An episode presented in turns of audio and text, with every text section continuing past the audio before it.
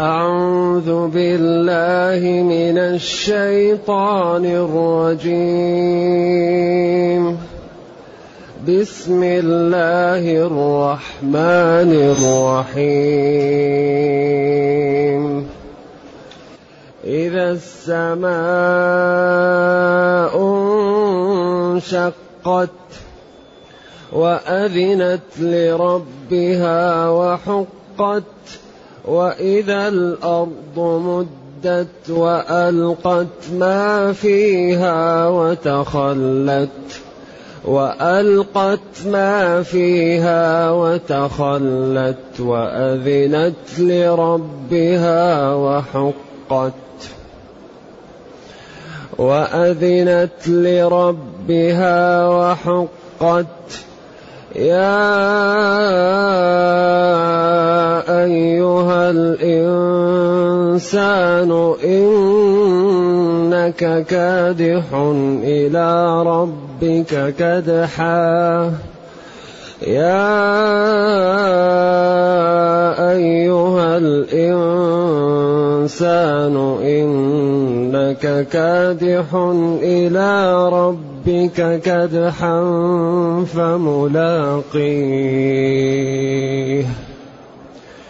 فأما من أوتي كتابه بيمينه فسوف يحاسب حسابا يسيرا. فسوف يحاسب حسابا يسيرا وينقلب إلى أهله مسرورا.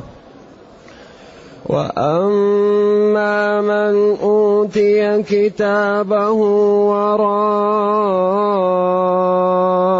ظهره فسوف يدعو ثبورا فسوف يدعو ثبورا ويصلى سعيرا. إنه كان في أهله مسرورا. إنه ظن أن لن يحور. بلى إن ربه كان به بصيراً. فلا أقسم بالشفق والليل وما وسق والقمر إذا اتسق والقمر إذا اتسق لتركبن طبقا عن طبق فما لهم لا يؤمنون فما لهم لا يؤمنون فما لهم لا يؤمنون وإذا قرئ عليهم القرآن لا يسجدون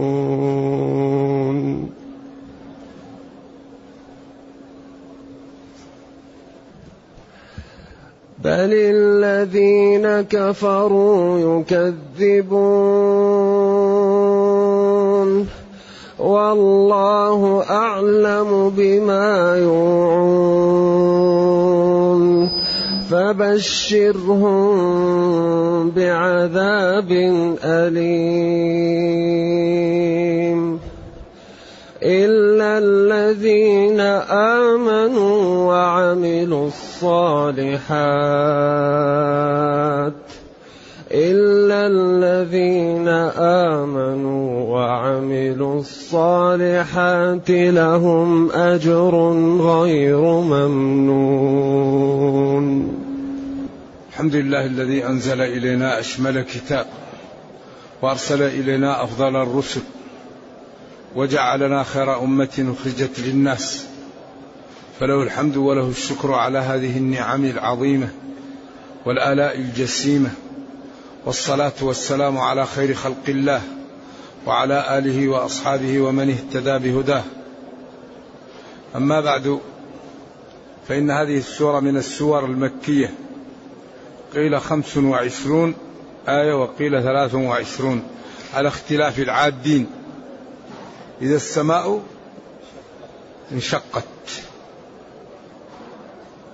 أغلب هذه السور المبدوءة بهذا الظرف الشرط الغير الجازم هي تنبئ عن يوم القيامة وأهواله والاستعداد له.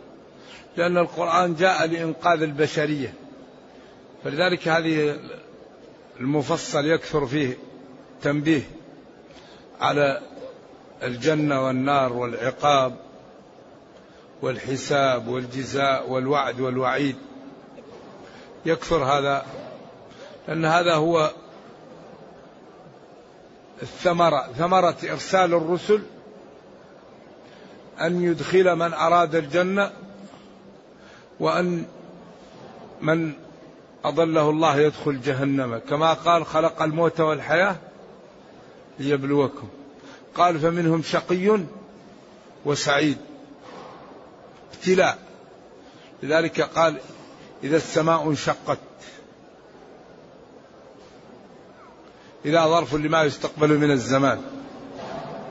السماء انشقت. هذا شرط غير جازم وهو مضاف إلى إذا. ولذلك يقول إذا ظرف لما يستقبل من الزمان خافض لشرطه منصوب بجزائه. هذا يقوله المعربون. إذا السماء انشقت السماء مبتدأ انشقت خبرها. والجملة مضافة إلى إذا. والانشقاق هنا هل هو ما تقدم من التشقيق فيها أو يعني تفكيكها لنزول الغمام منها؟ لكن الذي يظهر أنه تشقيق اللي هو بدأت تتشقق وبدأ الكون يتغير. وأذنت لربها أي انقادت وانطاعت لربها. عندما أمرها وحقت حق لها أن أن تطيع وتذعن. لأن هذا الكون خلقه الله ولذلك جعل في بعضه إدراك وعقل وجعل في بعضه شيء يعلمه الله كما قال وإن من شيء إلا يسبح بحمده. ولكن لا تفقهون تسبيحهم. هذا دل على أنه تسبيح واقعي. لأنه لو لم يكن تسبيح يعني ما يقول ولكن لا تفقهون تسبيحهم. لأنهم نحن. ولكن هؤلاء عندهم تسبيح ونحن ما, ما لا يعلمه إلا الله. كما قال وإن من الحجارة لما يتفجر منه الأنهار وإن منها لما يشقق فيخرج منه الماء وإن منها لما يهبط من خشية الله. ولله يسجد من في السماوات والأرض طوعا وكرها. إذا إذا السماء انشقت أي تشققت وتفرجت ونزلت آه، يعني منها الملائكة أو نزل الغمام منها إذانا بزوال الدنيا وأذنت لربها أن طاعت لربها وحقت وحق لها أن تطيع. وإذا الأرض مدت كل ما على وجه الأرض زيل ووسع فيها. كالأدين يمد حتى يزيد الأرض يزال الجبال. ويزال كل شيء عليه الهضاب وتسوى والبيوت ولا يعني تمد الأرض حتى تكون كلها كالقاع الواحد ويزاد فيها. وألقت ما فيها أخرجت ما فيها ويدخل فيه دخول أول الأموات الذين كانوا يقبرون فيه. وقيل ما فيها أيضا من الكنوز والمعادن. ينحسر الفرات عن عن جبل من ذهب. فمن أدركه لا يأخذ منه شيء يقتتل الناس فيه. حديث صحيح. الفرات ينحسر عن جبل من ذهب. ما أدري هل جبل الذهب هذا الذهب الأسود أو أو الذهب فعلا. من من وجده لا يأخذ منه شيء. وألقت ما فيها وتخلت وأذنت لربها وحقت. أي حق لها ذلك. طيب. أين الجواب إذا السماء انشقت؟ قيل يا أيها الإنسان إنك كادح. وفهم منه الجواب. ظهر أهل الجنة وظهر أهل النار أو تمايزت الصفوف. إذا وقيل إذا الشمس إذا السماء انفطرت إذا إذا السماء انفطرت وإذا الكواكب انتهرت وإذا البحار فجرت وإذا القبور بعثرت. نعم. علمت نفس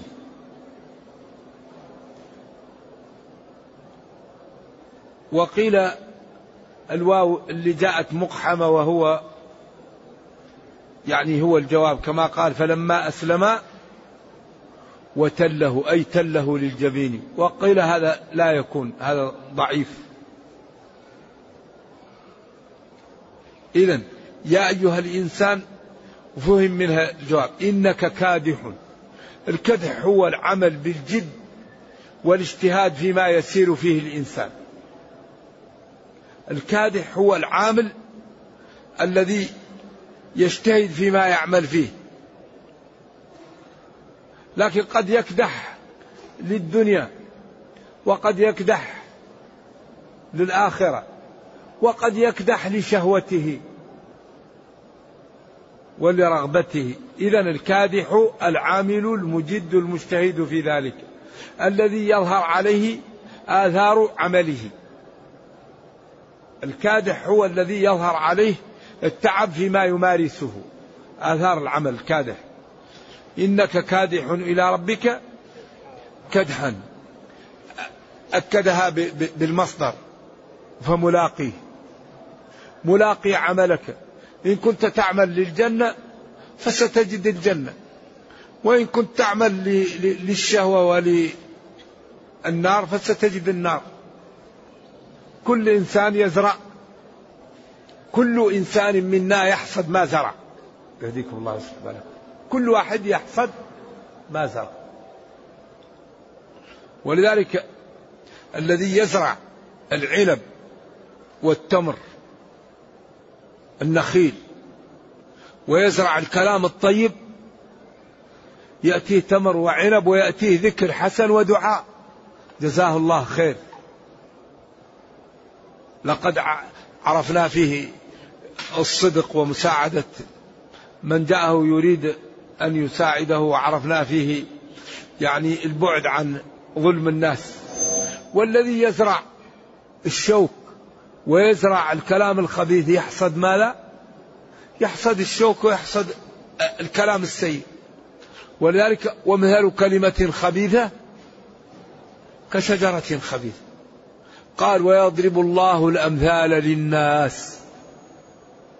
هذه أمثلة واضحة تجعل العاقل ينتبه. إذا إنك كادح في هذه الحياة كدحا شديدا. إلى ربك. بعدين فملاقيه. طيب ما الذي يكون؟ فأما من أوتي كتابه بيمينه فسوف يحاسب حسابا يسيرا. أما للتفصيل أوتي أعطي كتابه صحيفة أعماله بيمينه فذلك الناجح ذلك الممتاز.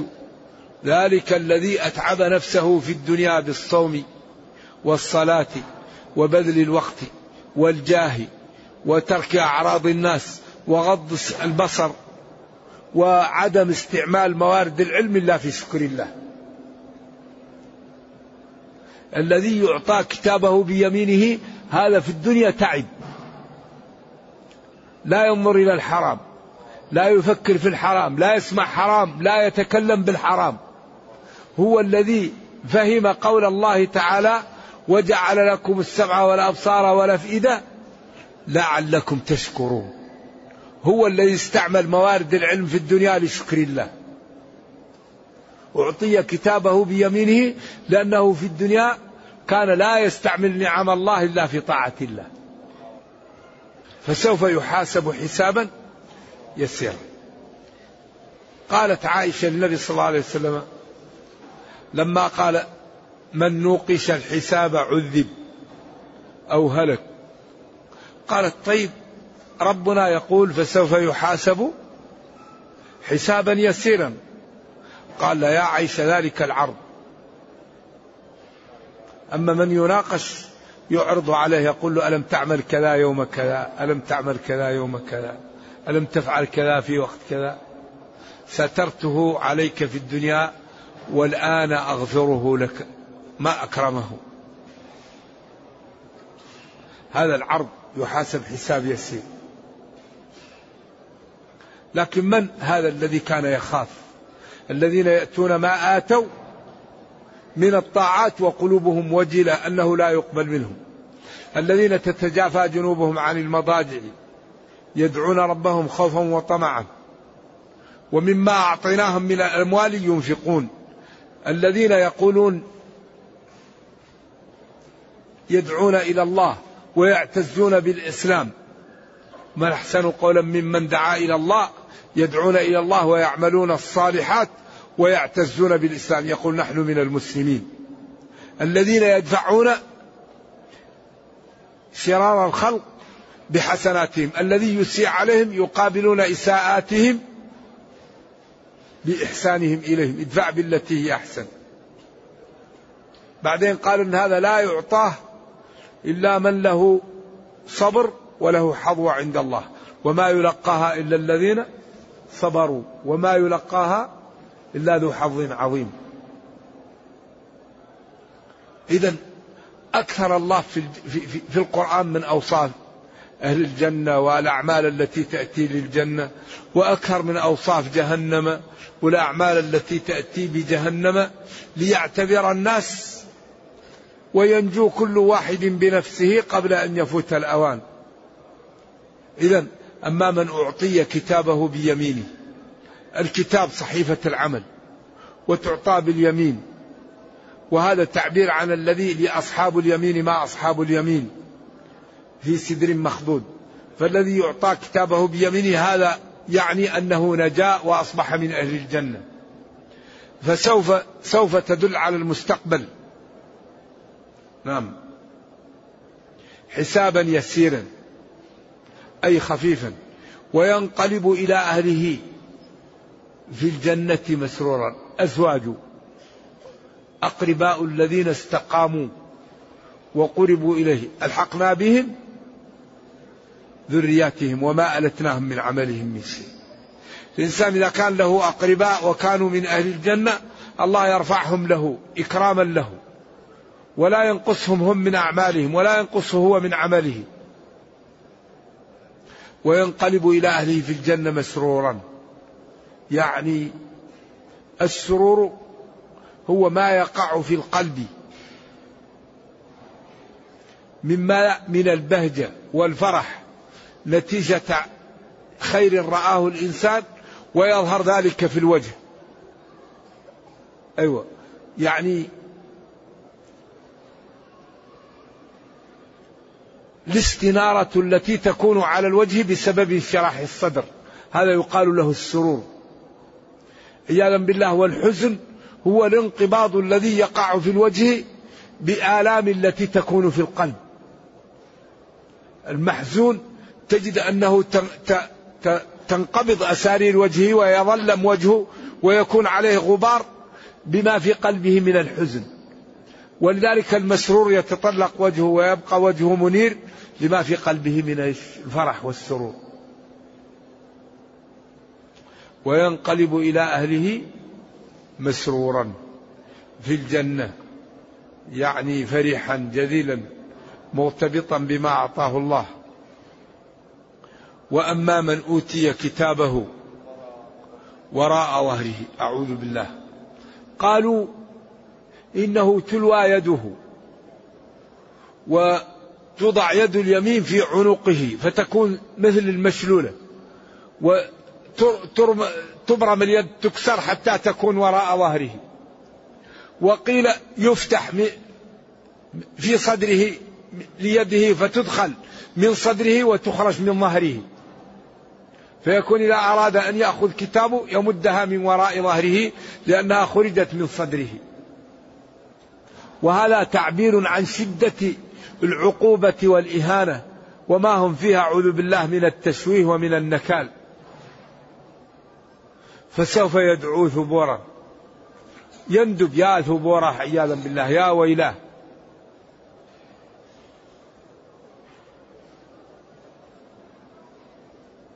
إنه كان في أهله سيدعو ثبرا ويصلى سعيرا ويصلى سعيرا. كلهم قراءة سبعية. يصلى من اصلوها و ويصلى من التصلية وهو في زيادة في العقوبة. وكل منهم يدخل النار. يدخل السعير. لما لا إنه كان في أهله في الدنيا. مسرور. لا يفكر في القيامة. لا يخاف. منعم. ينام قرير العين. يأكل ويشرب ويسمع وينظر ويتكلم ولا خوف عنده. ولا مبالاة بيوم القيامة. كان مسرور. لذلك السرور والبطر والفرح والأشر في الدنيا هذا يسبب للعبد يوم القيامة العقوبة. ولذلك المسلم في الدنيا خائف دائما. نبينا صلى الله عليه وسلم وقد غفر له ما تقدم من ذنبه وما تأخر يسمع له أزيز كأزيز المرجل يصلي يخاف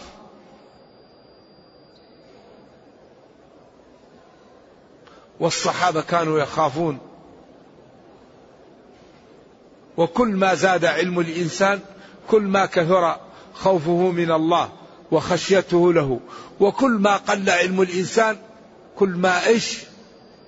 قل خوفه وزادت طمأنينته إنه هذا الكافر كان في أهله في الدنيا مسرور. أشر بطر ما يخاف. لا يصدق ولا يبالي. إنه ظن. ولذلك إن الله لا يحب الفرحين. الفرح هنا الأشر والبطر. أما التبسم في وجه أخيك صدقة. وإدخال السرور على إخوانك صدقة. والتفاؤل صدقة والانشراح. لكن الإنسان يخاف.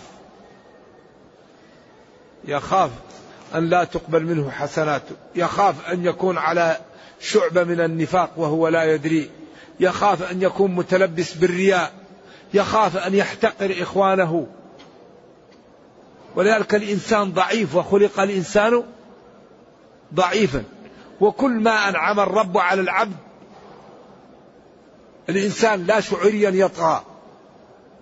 إلا القليل من الناس. كل ما أنعم الرب على العبد العبد يجده إيش؟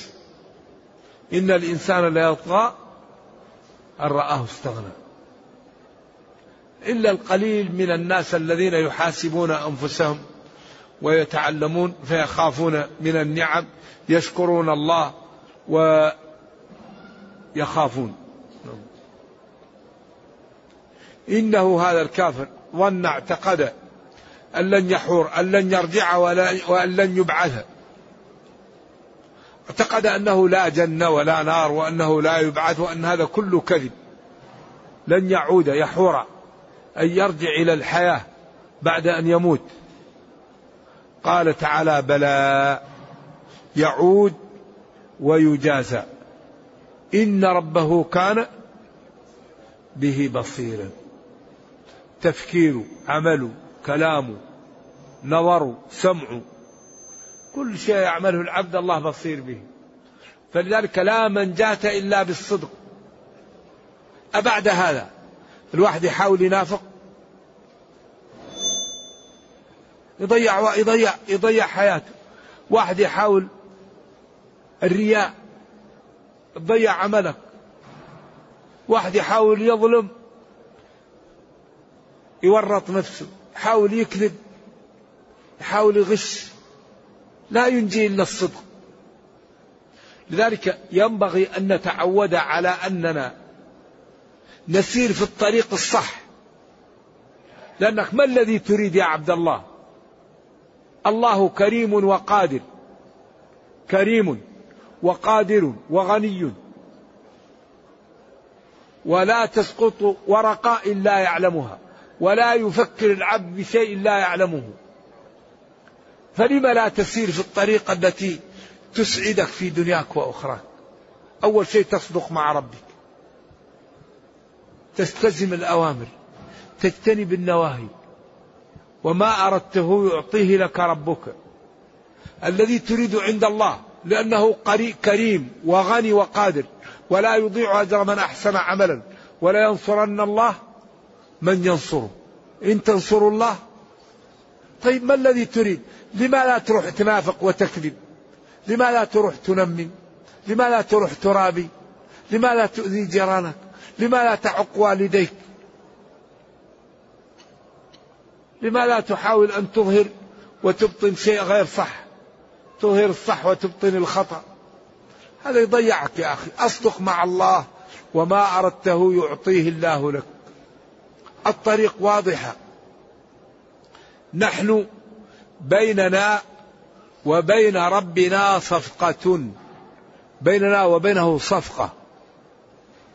نعم. أوفوا بعهدي. أوفي بعهدكم. إن الله اشترى اشترى من المؤمنين. فاستبشروا ببيعكم. لكن كيف نحن نريد الثمن والمذمون يا أحبة؟ كل واحد منا يريد الثمن والمذمون. يريد أن ينام قرير العين.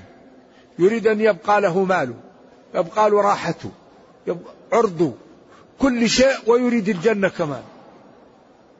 الجنة لها ثمن. كل شيء في الدنيا له ثمن. الجنة لها ثمن. غراسها ماذا؟ سبحان الله والحمد لله ولا إله إلا الله. الصلاة الصوم الصدقة الصبر غض البصر. إكرام الضعاف الوالدين الجيران البعد عن الحرام المسارعة إلى الخيرات. بعدين تكون من أهل الجنة. إذا الذي يريد الفضائل يتعب لها والذي يريد الراحة طريق واضح. حجبت الجنة بالمكاره وحجبت النار بالشهوات. فأما من طغى وآثر الحياة الدنيا فإن الجحيم هي المأوى. وأما من خاف مقام ربه ونهى النفس عن الهوى فإن الجنة هي المأوى. أبعد هذا؟ بقي عذر. ألم يبين كل شيء؟ ألم يوضح؟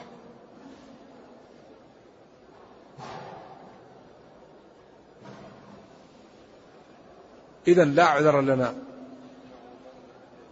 إن هذا الكافر اعتقد أن لن يرجع إلى الدنيا ولن يحاسب بلى. إن ربه كان به بصيرا. ربه بصير بأعماله نيته خطراته سكناته وسيجازيه بكل عمل. إن خيرا فخير وإن شرا فشر. ثم قال فلا أقسم. لا ليس الأمر كما يقولون أو أقسم. لا للعلماء فيها قولان. صلة أو نافية للشيء محذوف. ليس الأمر كما يدعي هذا الكافر. أقسم بالشفق. الشفق قيل إنه النهار. وقيل البياض الذي بعد يعني العشاء.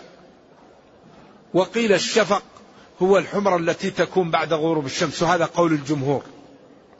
وهي التي إذا غابت جازت صلاة العشاء. أيوة. إذا أقسم بالشفق وهو الحمرة التي تكون بعد تغير الكون كما أقسم بالشمس والقمر والسماء والأرض والنجوم. والليل وما وسق الليل وما وسق وما جمع من الدواب والحشرات والهوام والظلام والأسود لأن كل أغلب الدواب إذا جاء الليل تهجد وما جمع فيه.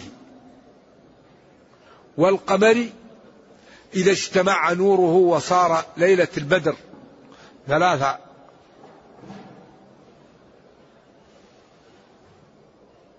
عشر ثلاثة عشر أو ثلاثة عشرة. ثلاثة عشرة أو أربعة عشرة أو خمسة عشر أو خمسة عشرة. هذه ليالي البدر. إذا اتسق اجتمع.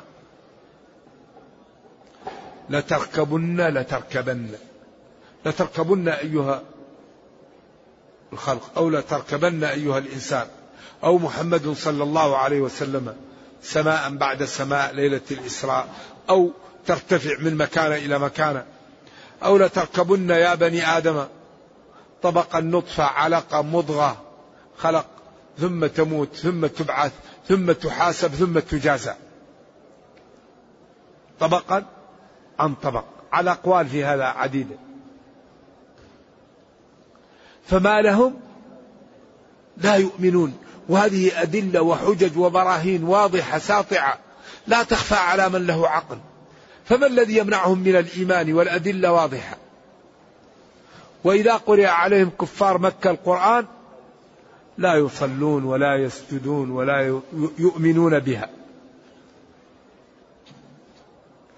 وهذه عند الجمهور من عزائم السجود وعند مالك سجدات المفصل لا يسجدها. وورد عن أبي هريرة في الصحيحين أنه سجدها مع النبي صلى الله عليه وسلم. وأبو هريرة لم يدخل في الإسلام إلا في السنة السابعة. أيوه. فالأدلة على سجودها واضحة. ومالك قال رضي الله عنهم جميعا إذا صح الحديث فهو مذهبي وقد صح الحديث فهذا مذهب مالك ومذهب الأئمة. نعم. وتعلمون أن سجدات القرآن خمس عشرة سجدة. خمس مختلف فيها.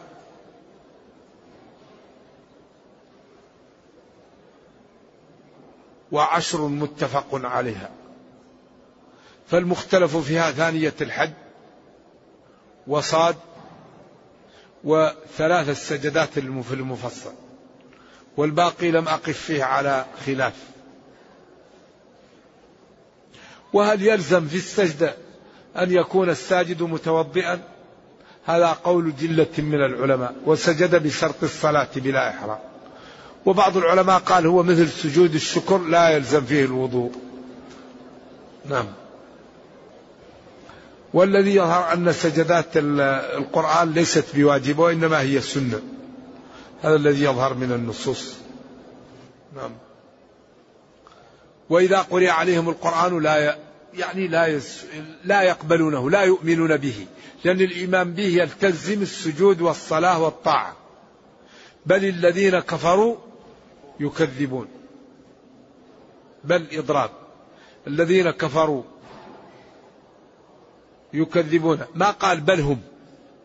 قال بل الذين كفروا. هنا أظهر ليعيبهم ويجعل الصلة كفروا. يكذبون وجعلهم يكذبون مرة بعد مرة. والله أعلم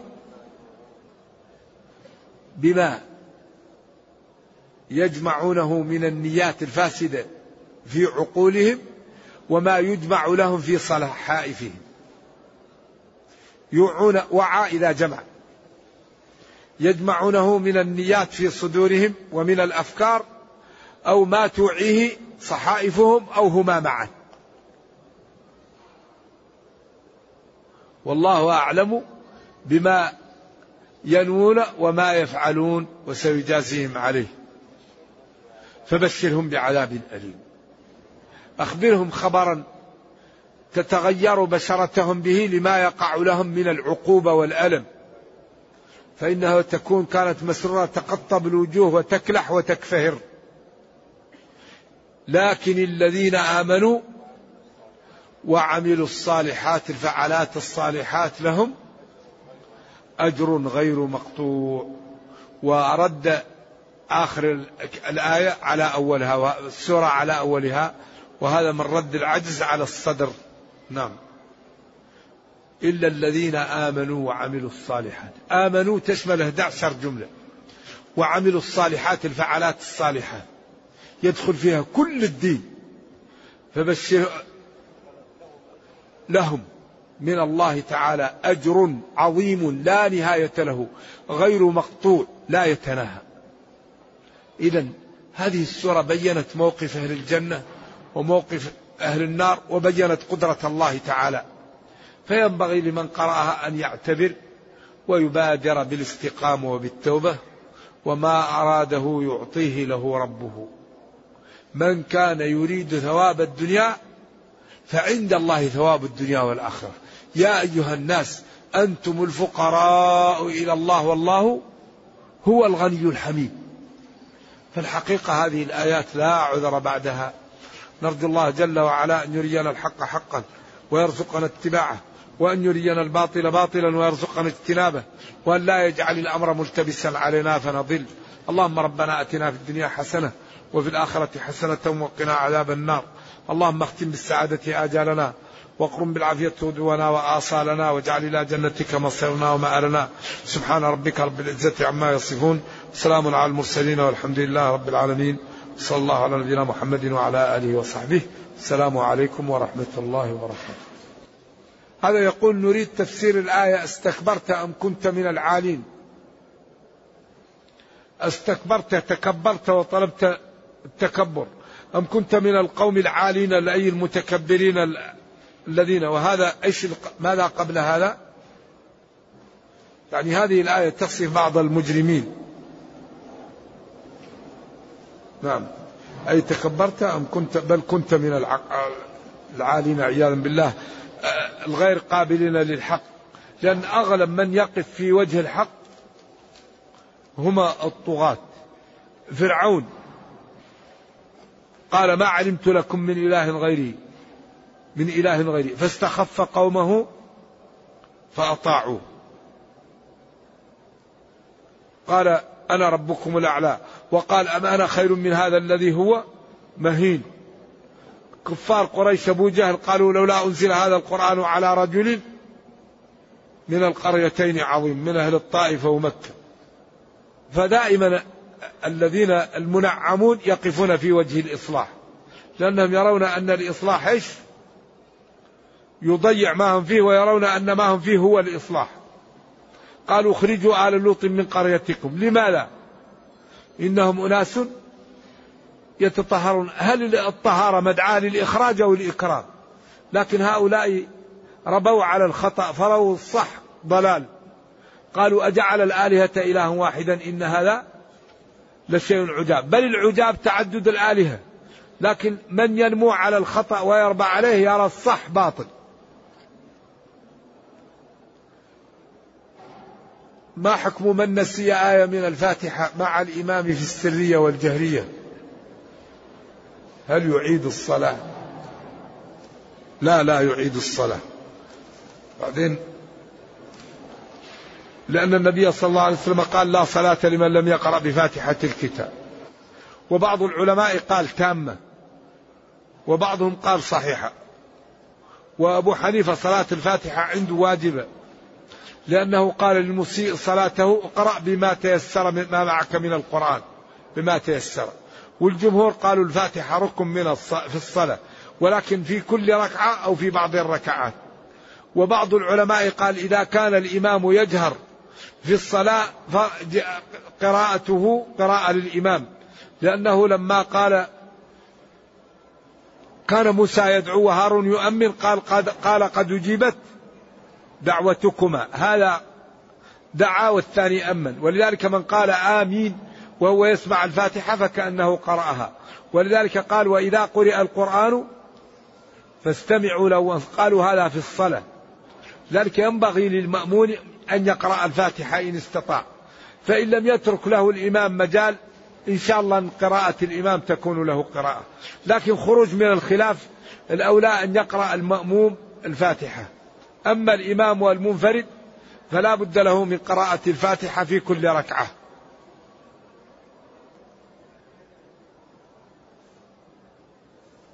كيف يمكن الجمع بين قوله تعالى في شأن المنافقين في سورة التوبة. لا تعلمهم نحن نعلمهم.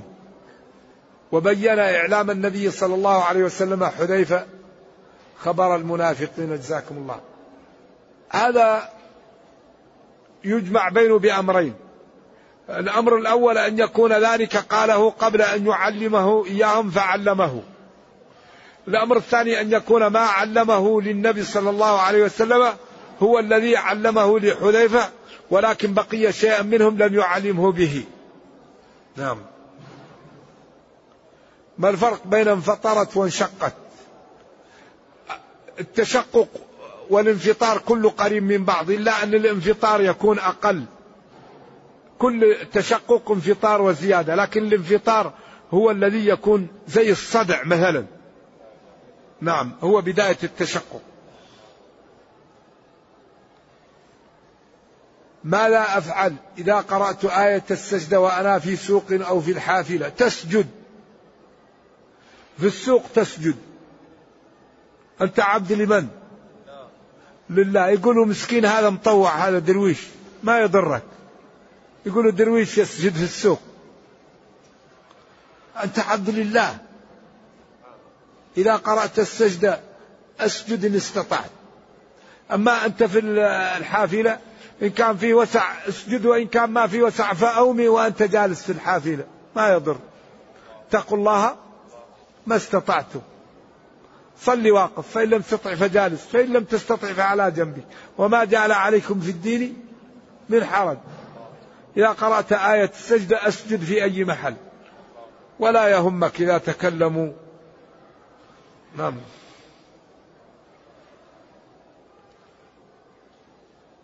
الموالاة والترشيد في الوضوء واجب أو سنة؟ الموالاة عند بعض العلماء واجبة.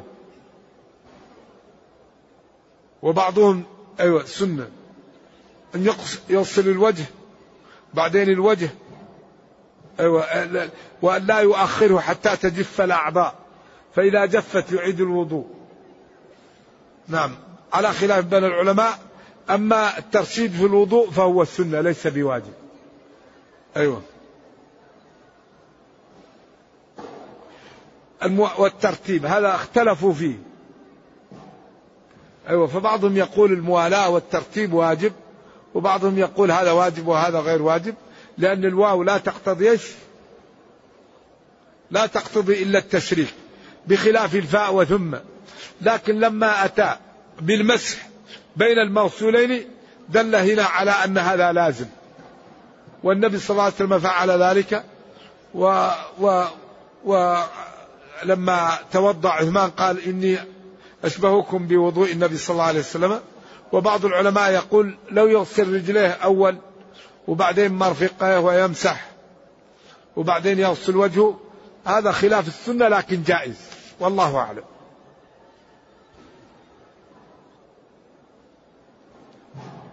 فإن توضأ أحد بنية أن يصلي بها السنة نحن نريد الأسئلة تكون علمية.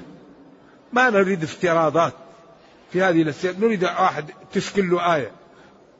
حكم في القرآن آية في القرآن. يشكل له شيء في الصلاة. أما هذه فرضيات وأمور ما هي منصوصة أصلا. إذا نوى بالوضوء أنه لا يرفع به الحدث لا يصلى به. إذا توضأ لأجل الجمعة هذا لا يرفع الحدث إذا كان عليه جنابة. لكن إذا اغتسل لأجل الجنابة ونوى الجمعة يرفع الجنابة ويجزي عن غسل الجمعة.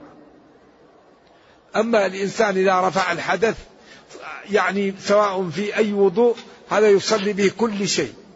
أما إذا لم يرفع الحدث فلا يصلي. إذا رفع الحدث يريد أي صلاة يمكن يصلي به الفريضة. ما, ما هو لازم. المهم أنه ينوي رفع الحدث. لأن النية الأعمال بالنيات. فإذا نوى رفع الحدث يصلي إذا لم يرفع الحدث فهذا لا يصلي.